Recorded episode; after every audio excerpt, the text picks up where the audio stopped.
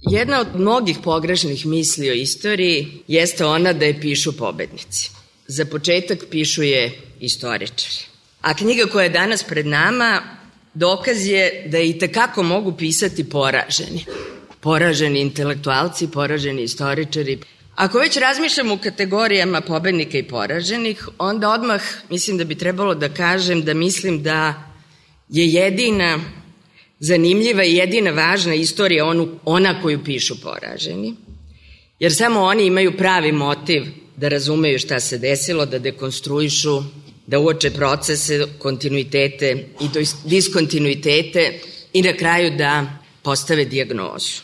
Svakog dana nam se dokazuje da je baš diagnoza ono što je potrebno ovim društvima, makar srpskom i hrvatskom, koji svaku svoju grešku pokušavaju da reše tako što će upasti u još veću grešku. Poslednjih dana utrkivali su se u tome i sigurno smo svi pratili pokušavajući da razumemo, evo, na primer, istakla bih jedan trenutak, onaj kada se baš u jugoslovenskoj kinoteci obeležavao 10. april, dan osnivanja NDH.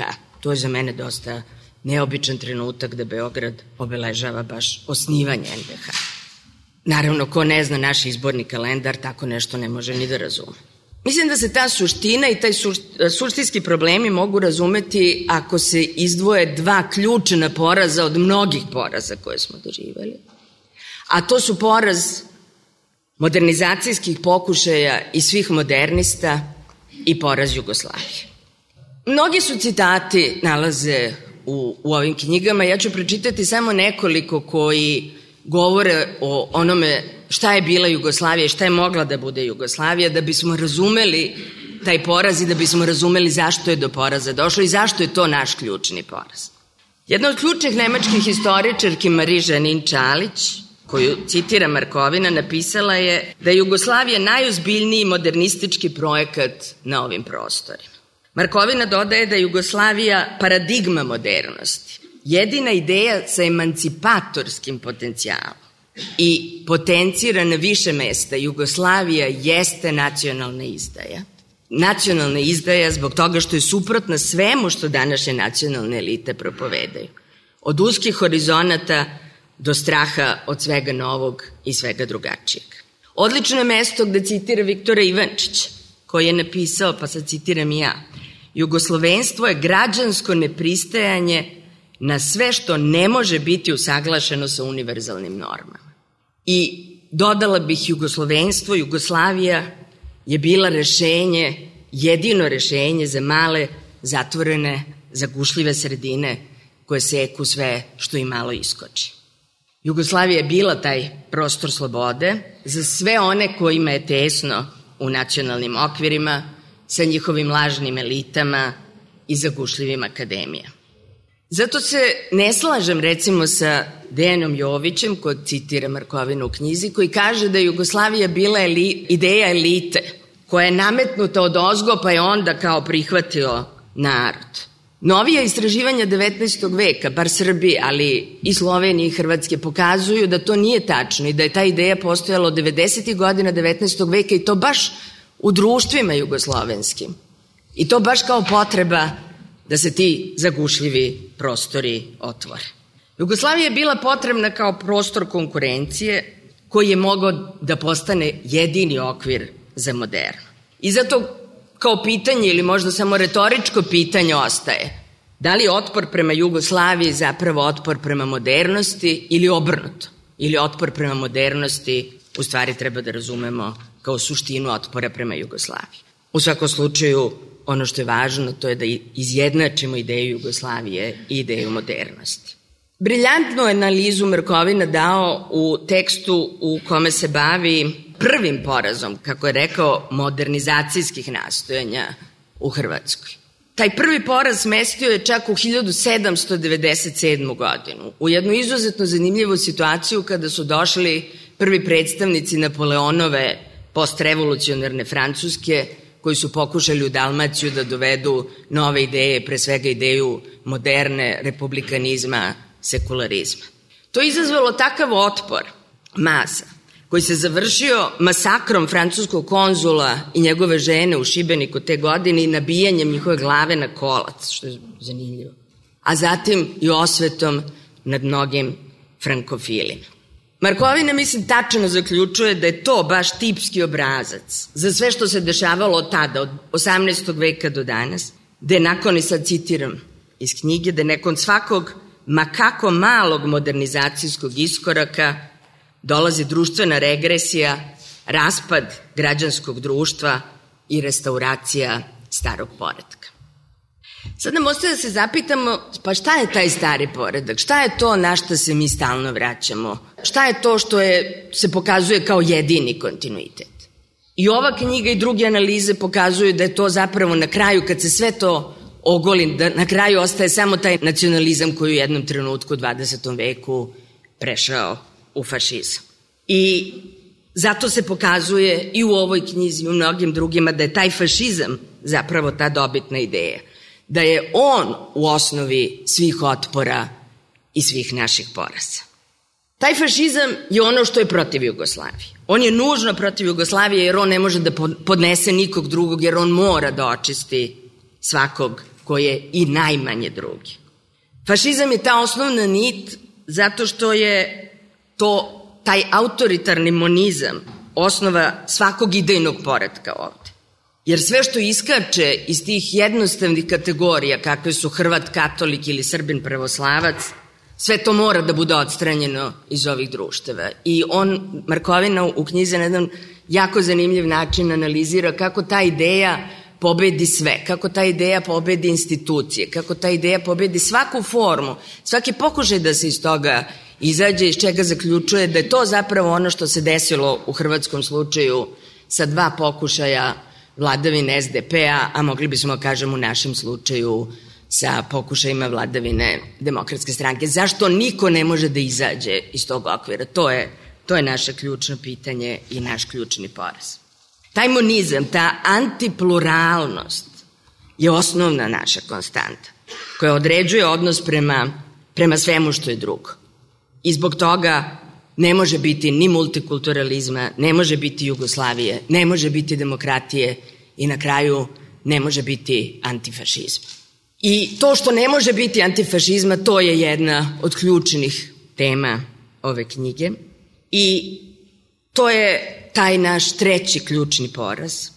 Pa bismo zbog toga mogli da kažemo da su Jugoslavija, modernost i antifašizam to građansko trojstvo ili kako kaže Markovina, jedini mogući moralni izbor. Na jednom mestu Markovina citira Miljenka Jergovića, iskoristit ću ja taj citat. Jergović kaže, neophodno je razviti kulturu poraza. Izgubili smo i zauvek ostajemo u manjini. Valja nam naći dostojanstvo u porazu. Tome treba da služi književnost. Dodala bih ovde, tome treba da služi istoriografija, tome treba da služi svaka naša struka i svaki dobro urađen posao, a pre svega istoriografija kako piše Dragan Markovin. Ono što je očigledno, to je da iz leša Jugoslavije nije vaskrso novi duh, individualan i univerzalan. Ali kako onda izgleda risorgimento po treći put u našoj istoriji? Imali smo tri risorgimenta. Jel?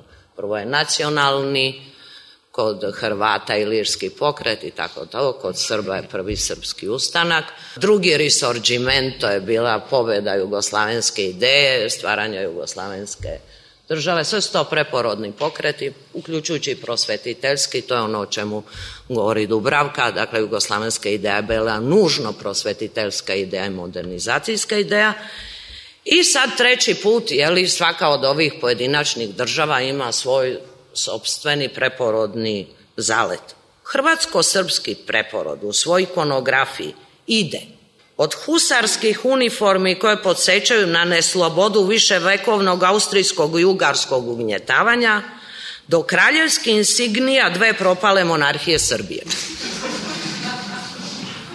Republika Srbija s kraljevskim obeležima Karadžorđevića na svoj zastavi, uključujući prepravljenu državnu himnu, gde ono ide o Bogu koji treba da čuva kralja i srpski rod, pa je taj kralj izbačen, pa je ostao i dalje Bog koji čuva srpski e, rod i srpske zemlje, kralj je dobio nogu, ali himna je potpuno identična.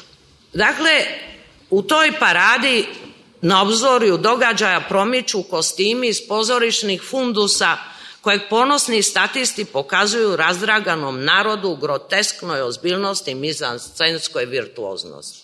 Tako izgleda Risorgiment. U somnabulnim prikazaniju nacionalnog romantizma u svojoj dojmljivoj kostimografiji učestvuje crkva, ovog puta katolička, tako da sled pod imenom svi kao jedan ostavlja narod radostan i veseo iako praznih stomaka.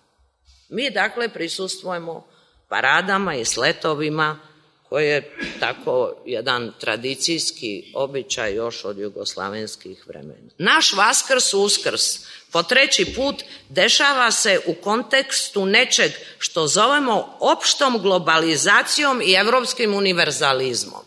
Tu paradoks postaje ozbiljan i fiction negativan. Knjige Markovine zapravo pokazuju paranoju države, religije i nacije koja se samo proklamovala u čuvara tekovina prošlosti, iz koje je izbačeno sve ono što je vezano za Jugoslaviju i Jugoslavenstvo, a to je, moramo priznati, ozbiljan gubitak, jer su nam iz istorije izbačena poslednja dva veka. Zato smo kao utopljenici prisiljeni da se nastanimo na malim ostrvima naše prošlosti, koja nisu bila pogodna za život prethodnim generacijama. Na tom pustom arhipelagu počela je izgradnja jedne evropske metaprovincije, koja se povezuje sa sebi sličnima na istoku i jugoistoku. Postoji još jedna značajna karakteristika takvog otočkog iskustva, a to je da se život i svetonazor pojedinaca mora u potpunosti harmonizovati sa društvom i u tom kolektivnom ja potom se harmonizovati s velikim kopnom Evrope. U perspektivi istoriju naravno pogrešnu, koje je progutalo duboko more, ne sme se više pominjati. Može do duše ko Sotonu uz obavesno, a page satana su spljuckane tri puta. Stanovništvo koje tu živi u odsustvu svake istine, u svojoj novoj utopiji, s obzirom da je izolovano i da nema s kim da se upoređuje, odnosno nema suprotnosti ni u formi Rombinsonovog petka, misli da je potpuno posebno, izdvojeno u kreacionističkom poduhvatu onog koji jest. Naravno, neki od nas koji su napravili splav i otisnuli se od nemirnih obola arhipelaga i plovimo dalje po mračnim dubinama naše prošlosti, iz daljine vidimo naš arhipelag kao arhipelag Gulag i svjetinu koja sa svojim borcima zajedno kliče Ave Cezar moriturite salutant. Pišete li ili govorite li nešto loše o hrvatskoj naciji, nećete se dobro provesti. Pišete li nešto loše o domovinskom ratu, takozvanom, možete očekivati svašta loše. Kao što reče jedan marginalni kroničar, jedina potpuna istina o domovinskom ratu je da o njemu ne možete istinito govoriti. Hrvatska država se uživa kao jedan parareligijski kult i to e, odnos, većinski odnos prema hrvatskoj državnosti je apsolutno fundamentalistički.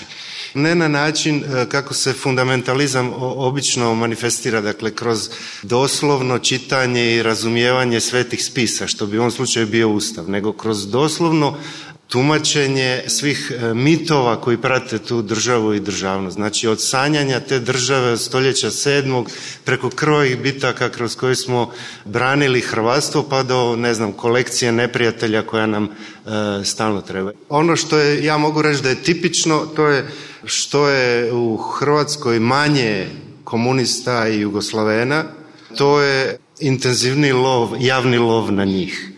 Dakle, to jeste nekakav lov na utvore. Ono što se meni sviđa, recimo, kod pristupa Markovina temi jugoslovenstva, a to je da on ne zagora jugoslovenstvo ni u državotvornom e, smislu, niti kao vid neke nacionalne identifikacije, nego kao vid otpora angažmana, a ne deklariranja. Dakle, kao jedan aktivni, a ne pasivni fenomen. I to mislim da to jest potencijalno opasno, jer ako se mislim, opasno za drugu stranu. Ako se cijeli politički profil pojedinaca danas e, svede kompletna njegova politička profilacija, ako se svede na to da li je on Hrvat, Srbin ili neko treći po svom e, nacionalnoj pripadnosti, onda je e, zaista jeste subverzivno kad kažeš da si Jugoslaven po svojoj nacionalnoj nepripadnosti.